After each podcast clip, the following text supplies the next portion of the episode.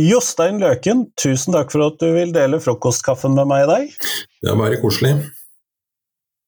Før vi sånn kommer ordentlig i gang, så hadde jeg håpet at du kunne bare si kort hvem er du? Jeg er advokat, jobber i advokatfirmaet Elden. Var utdannet jurist i 1988, var jeg ferdig utdannet. Var noen år i politiet, jeg har vært dommerfullmektig, og så har jeg vært advokat fra 2001. Og har hatt uh, varierende type saker da, opp gjennom årene. Og I dag så skal vi jo snakke litt om en eh, hva skal vi, eh, muligens en av de mer spesielle sakene som eh, du har eh, tatt i. Um, ja det, det, har kommet noen nyheter om at du og Jon Christian Elden har, prøver å gjenoppta saken om Ingeborg Knutsdatter Økseth. Kunne du fortelle meg mer om den saken? Jo, vi har prøvd på det. Eh, vi tenker at eh, det ble begått en svær urett, og vi tenker at eh, vi kan ikke bare gå videre når vi snubler over store uretter som blir begått mot enkeltmennesker. Det gjelder helt uavhengig av tid og sted og rom. Ting kan ikke bare ses gjennom fingrene med, fordi at det skjedde for lenge siden. Jeg jobber jo da et ganske interessant fagmiljø, så vi tenkte at det kunne være da noe å prøve. For vi ser at uh, loven som åpner for gjenopptakelse, det setter ingen begrensninger i tid. Og dette var et åpenbart uh, justismord som vi tenkte at uh, vi ikke bare kunne se gjennom fingrene med. Det er litt spesielt, da, for dette skjedde der jeg bor. Jeg hadde vel ikke kanskje gjort det hvis det hadde skjedd langt, langt unna meg, men jeg har alltid tenkt at hvis man da griper eh, tak i ting som skjer der man bor, ting man snubler over i, i hverdagen, hvis alle hadde gjort det, så ville kanskje verden vært et uh, bedre sted å leve. Hvis alle hadde tatt sitt ansvar, grepet fatt i den ondskap og den urett som man ser, som man snubler over i, i dagliglivet. Da. Så det har vært min tanke hele tiden fra jeg ble jurist. Jeg har grepet tak i ting som jeg synes er vondt og, urettferdig, og prøvd å gjøre noe med det. Også denne saken. Jeg syns jo det var litt kanskje litt eh, vanskelig å vite hvordan jeg skulle angripe eh, dette her. For eh, ja, det var en spesiell sak, men da vi flyttet til Elverum i 1992 så leste jeg, som jeg alltid gjorde, jeg kom til nye steder, det jeg kunne om sted, bygdebøker og slike ting. Og da så jeg da denne saken som gjaldt Ingeborg, som da ble brent som, som heks i 1625. Og den har liksom berørt meg veldig siden. Eh, det skjedde midt i mitt lokalmiljø. Jeg har syklet forbi, jeg har jogget forbi gården der hun bodde da for, for mange hundre år siden veldig mange ganger, og alltid tenkt på Ingeborg og hvor grusom hennes skjebne ble. Og ja, dette var noe jeg snublet over, det skjedde i mitt lokalmiljø. Og altså min idé har vært at jeg skal eh, gripe fatt i ting jeg syns er vondt og urettferdig, da. Men hva var det da som skjedde med Ingeborg? Hvilken jeg håper jo folk har lest overskriften i dag, da, men hva var det som skjedde med Ingeborg? Nei, hun ble brent som heks, i, det var vel i 1625. Man hadde jo sånne grusomme prosesser da, i, i Norge på den tiden. Det det begynte vel med en alkoholisert mann i Løten i 1601, som da ble, ble brent. Han var jo ganske alkoholisert og, og, sa vel ganske mye rart. Og, ja, etter tortur så eh, Man torturerte folk helt til de anga en annen person. Så han ble torturert så hardt at han anga da eh, andre mennesker, bl.a. Eh, søsteren til eh, Ingeborg, som da også etter hvert ble brent som, som, som heks. Som da også ble torturert. Og, og så hadde man slike angiverprosesser. Da. Eh, ingen klarte å holde ut den torturen, og de ga seg ikke med tortur før man hadde angitt en annen. og Derfor så ble da også Ingeborg da angitt.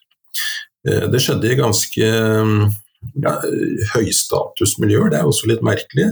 Disse miljøene her i Hedmark var jo gjerne folk som kom fra store gårder. og Ingeborg kom jo fra en lensmannsslekt. Så det var ikke et slags fenomen som, som gjaldt eh, de, de, de, fattige og de bortkomne, men faktisk eh, høystatusmennesker. Eh, også sønnen til Ingeborg ble også brent som heks etter at noen hadde angitt han. Da. For det var ingen som maktet å stå imot torturen. og ja, de anga noen, og så, så, ble de da endelig brent, da, som mange følte egentlig var en, en vei ut av det. Så ja, jeg syns dette er så, så, grusomt at jeg syns det er viktig å, å reagere da, når man har sjans. Og jeg har jo disse disse redskapene. Da. Jeg er jo advokat, jeg er jurist, og jeg vet hvordan jeg skal gjøre det. Og da tenker jeg at det er, det er eh, en fin mulighet jeg har til, til, å kunne gjøre noe, siden jeg har den redskapskassa mi. Da. Jeg kan gjøre noe med, med, ting som jeg opplever. Det har jeg gjort mange ganger. Jeg har grepet fatt i ting som jeg har snublet over, og forsøkt å, å gjøre noe med det. I variert omfang.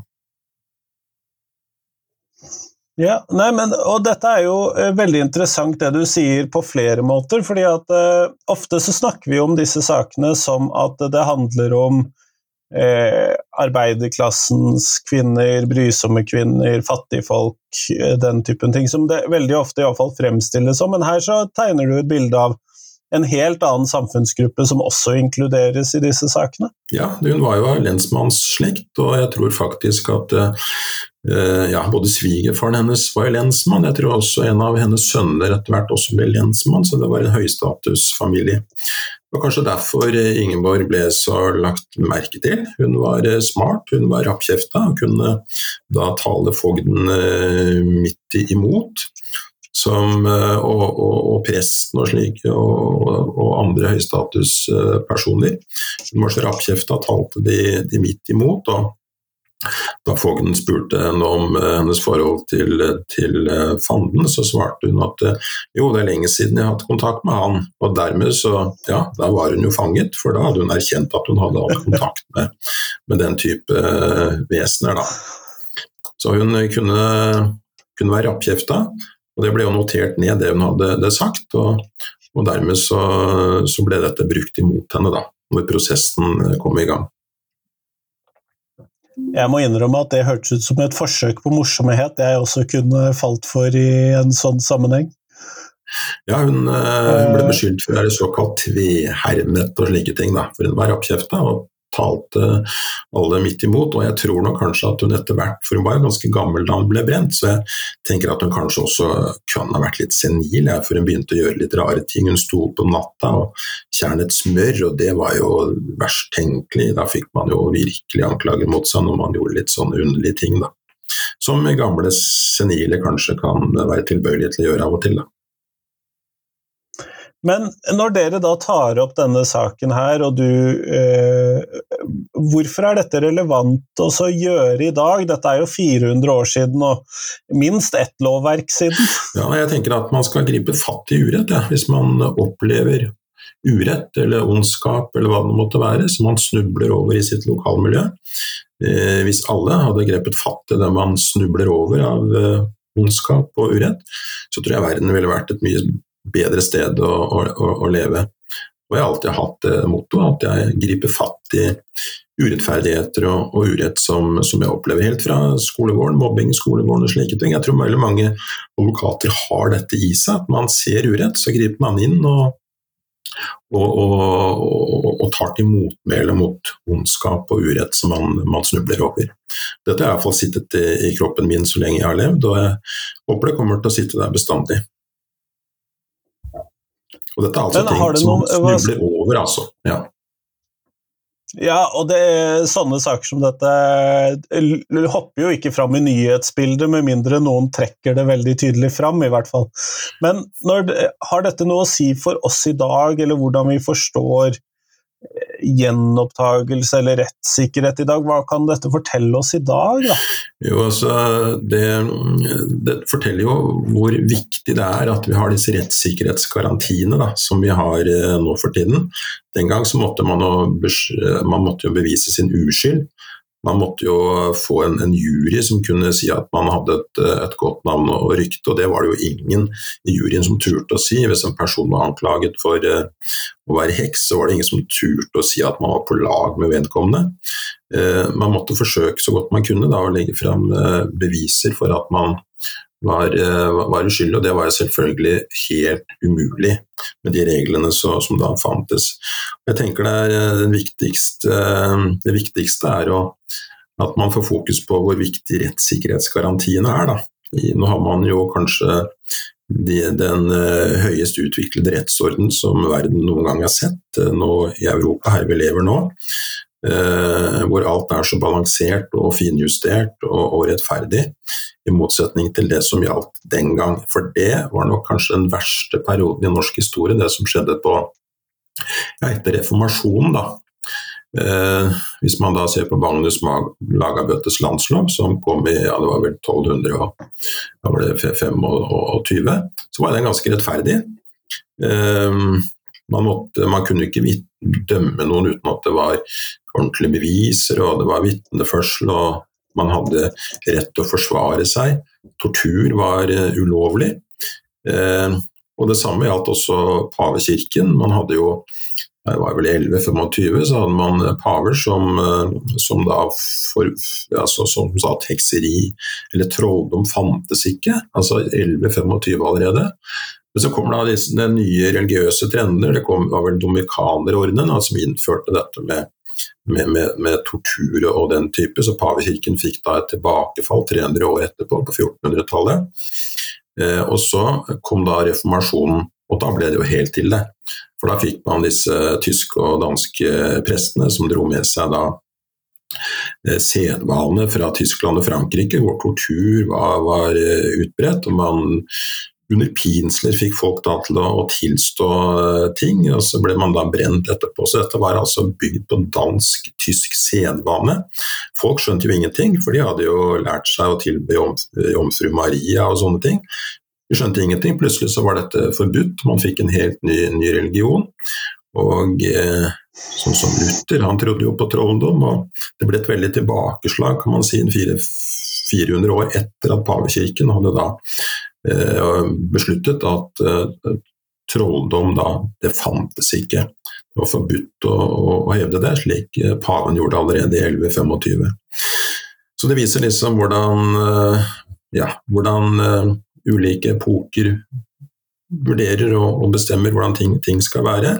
Men altså den gamle, gode norske Magnus Lagabøtes landslov den var jo rettferdig, i motsetning til den tysk-danske sedvanen som da skyllet innover eh, Norge på 1600-tallet. Eh, og ingen turte å ta til motmæle mot det, det er også veldig vondt å se. Ingen tok til motmæle før, og det har gjort et veldig inntrykk på meg.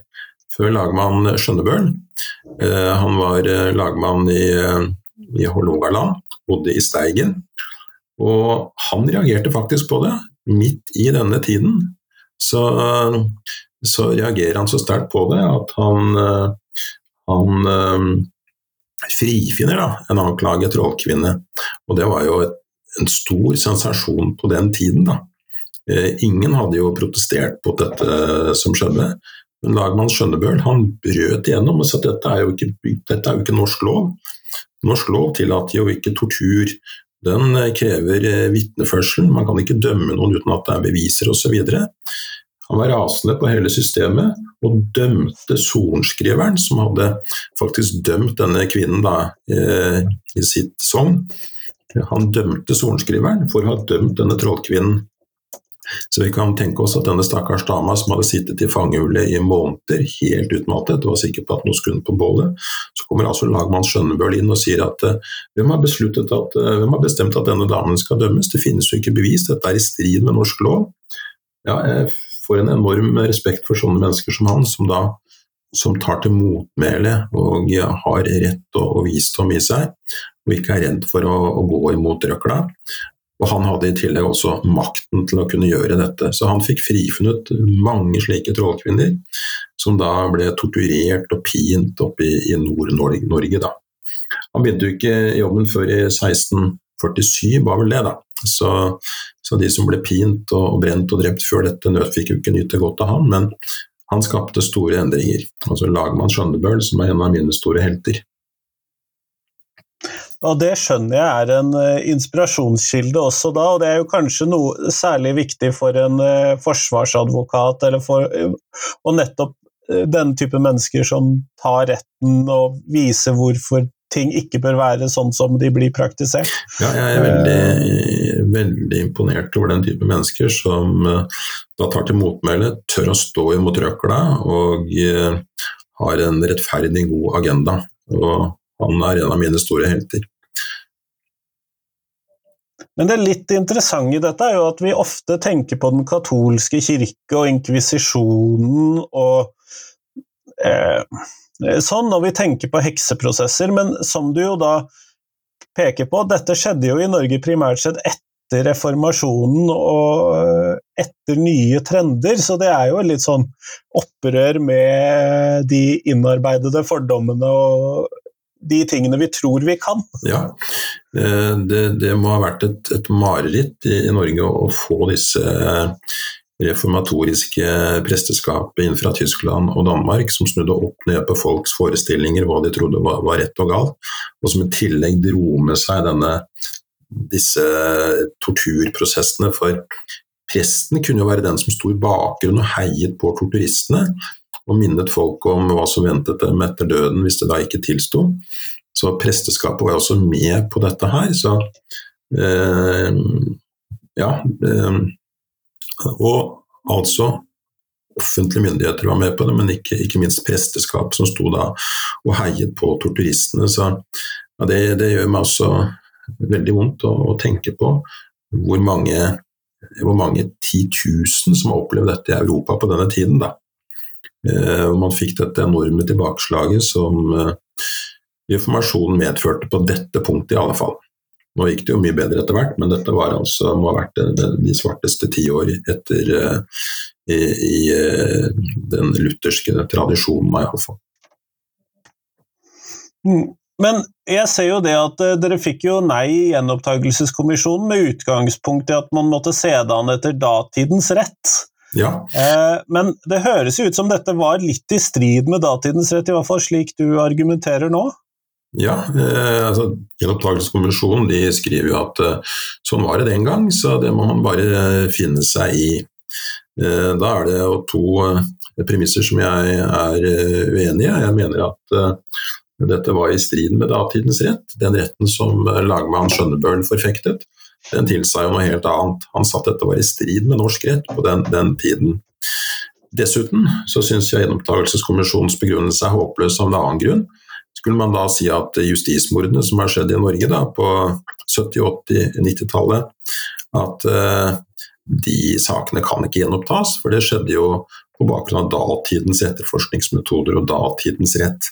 Det å tenke er en ganske håpløs begrunnelse, så vi gir oss ikke, vi skal gå på igjen, vi. Og, og komme med en begrunnelse for hvorfor vi mener at denne avgjørelsen fra Gjenopptakelseskommisjonen er helt feil. Vi mener at denne saken må kunne tas opp i sin, sin fulle bredde da. Jeg har fått inn et lite spørsmål fra en av lytterne. og eh, Han lurte på om eh, hvilken rolle hadde sognepresten eller lokale kirken osv. i denne saken til Ingeborg. Har du fått noe klarhet i det? Jeg vet ikke så veldig mye om hvordan presten, hvor presten sto når hun ble torturert. Det vet jeg ikke noe om, for det har jeg ikke lest i noen av kildene.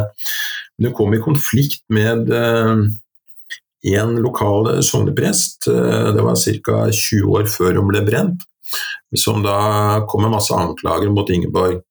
Og da hennes eh, da, da sogneprestens sønn ble, ble, syk, så anklaget da sognepresten Ingeborg for at det var han som hadde forgjort sønnen, da, eh, som, eh, som han sa.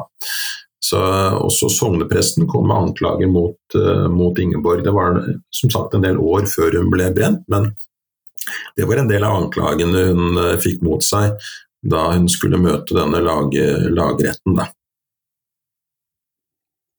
Nettopp, nettopp. Det er jo litt interessant i seg selv, særlig med tanke på det at noen andre da, som har jobbet med heksebrenningsprosessene, har bedt om at øh, kirken må si unnskyld for det som øh, den delen de var involvert i. Og det er jo interessant at denne typen anklager og situasjoner og konflikter kommer med i rettsprosessen også.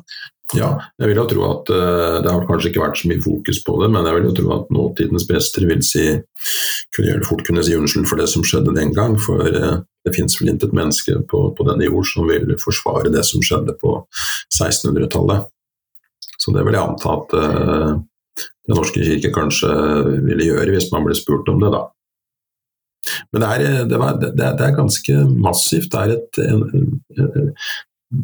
det, det, var jo så svært. Det var jo så mange tusen kvinner da, som ble brent på disse bålene rundt omkring i Europa, i Tyskland, i Frankrike.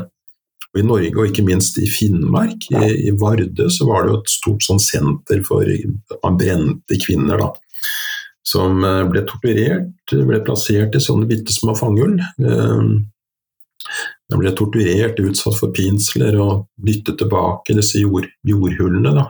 Om de fikk mat, vet jeg nå ikke.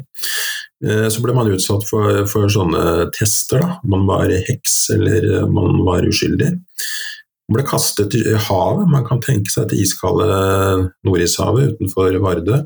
Det ser ikke fristende ut. Hvis man fløt, så, så, var man en heks. Hvis man druknet, så var man ikke heks. Så det var, det var sånn ubeskrivelig ondsinnet, da. Det som eh, disse prosessene og det som skjedde. Og det er et svært museum der oppe i Vardø som, som, som viser deg hvordan ting eh, skjedde der oppe. Det var kanskje et senter for heksebrenning i, i Norge. Men Jostein, tusen takk for eh, denne opplysende runden. Du skal få lov til å løpe videre til eh, retten eh, i en travel hverdag. Men tusen takk for at du delte frokostskaffen med meg i dag.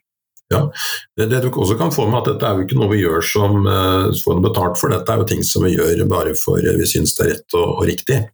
Så uh, noen tenker at uh, skal staten betale for sånt, så kan du bare betrygge med at nei, dette får vi ingenting for. Selv om det er mye jobb.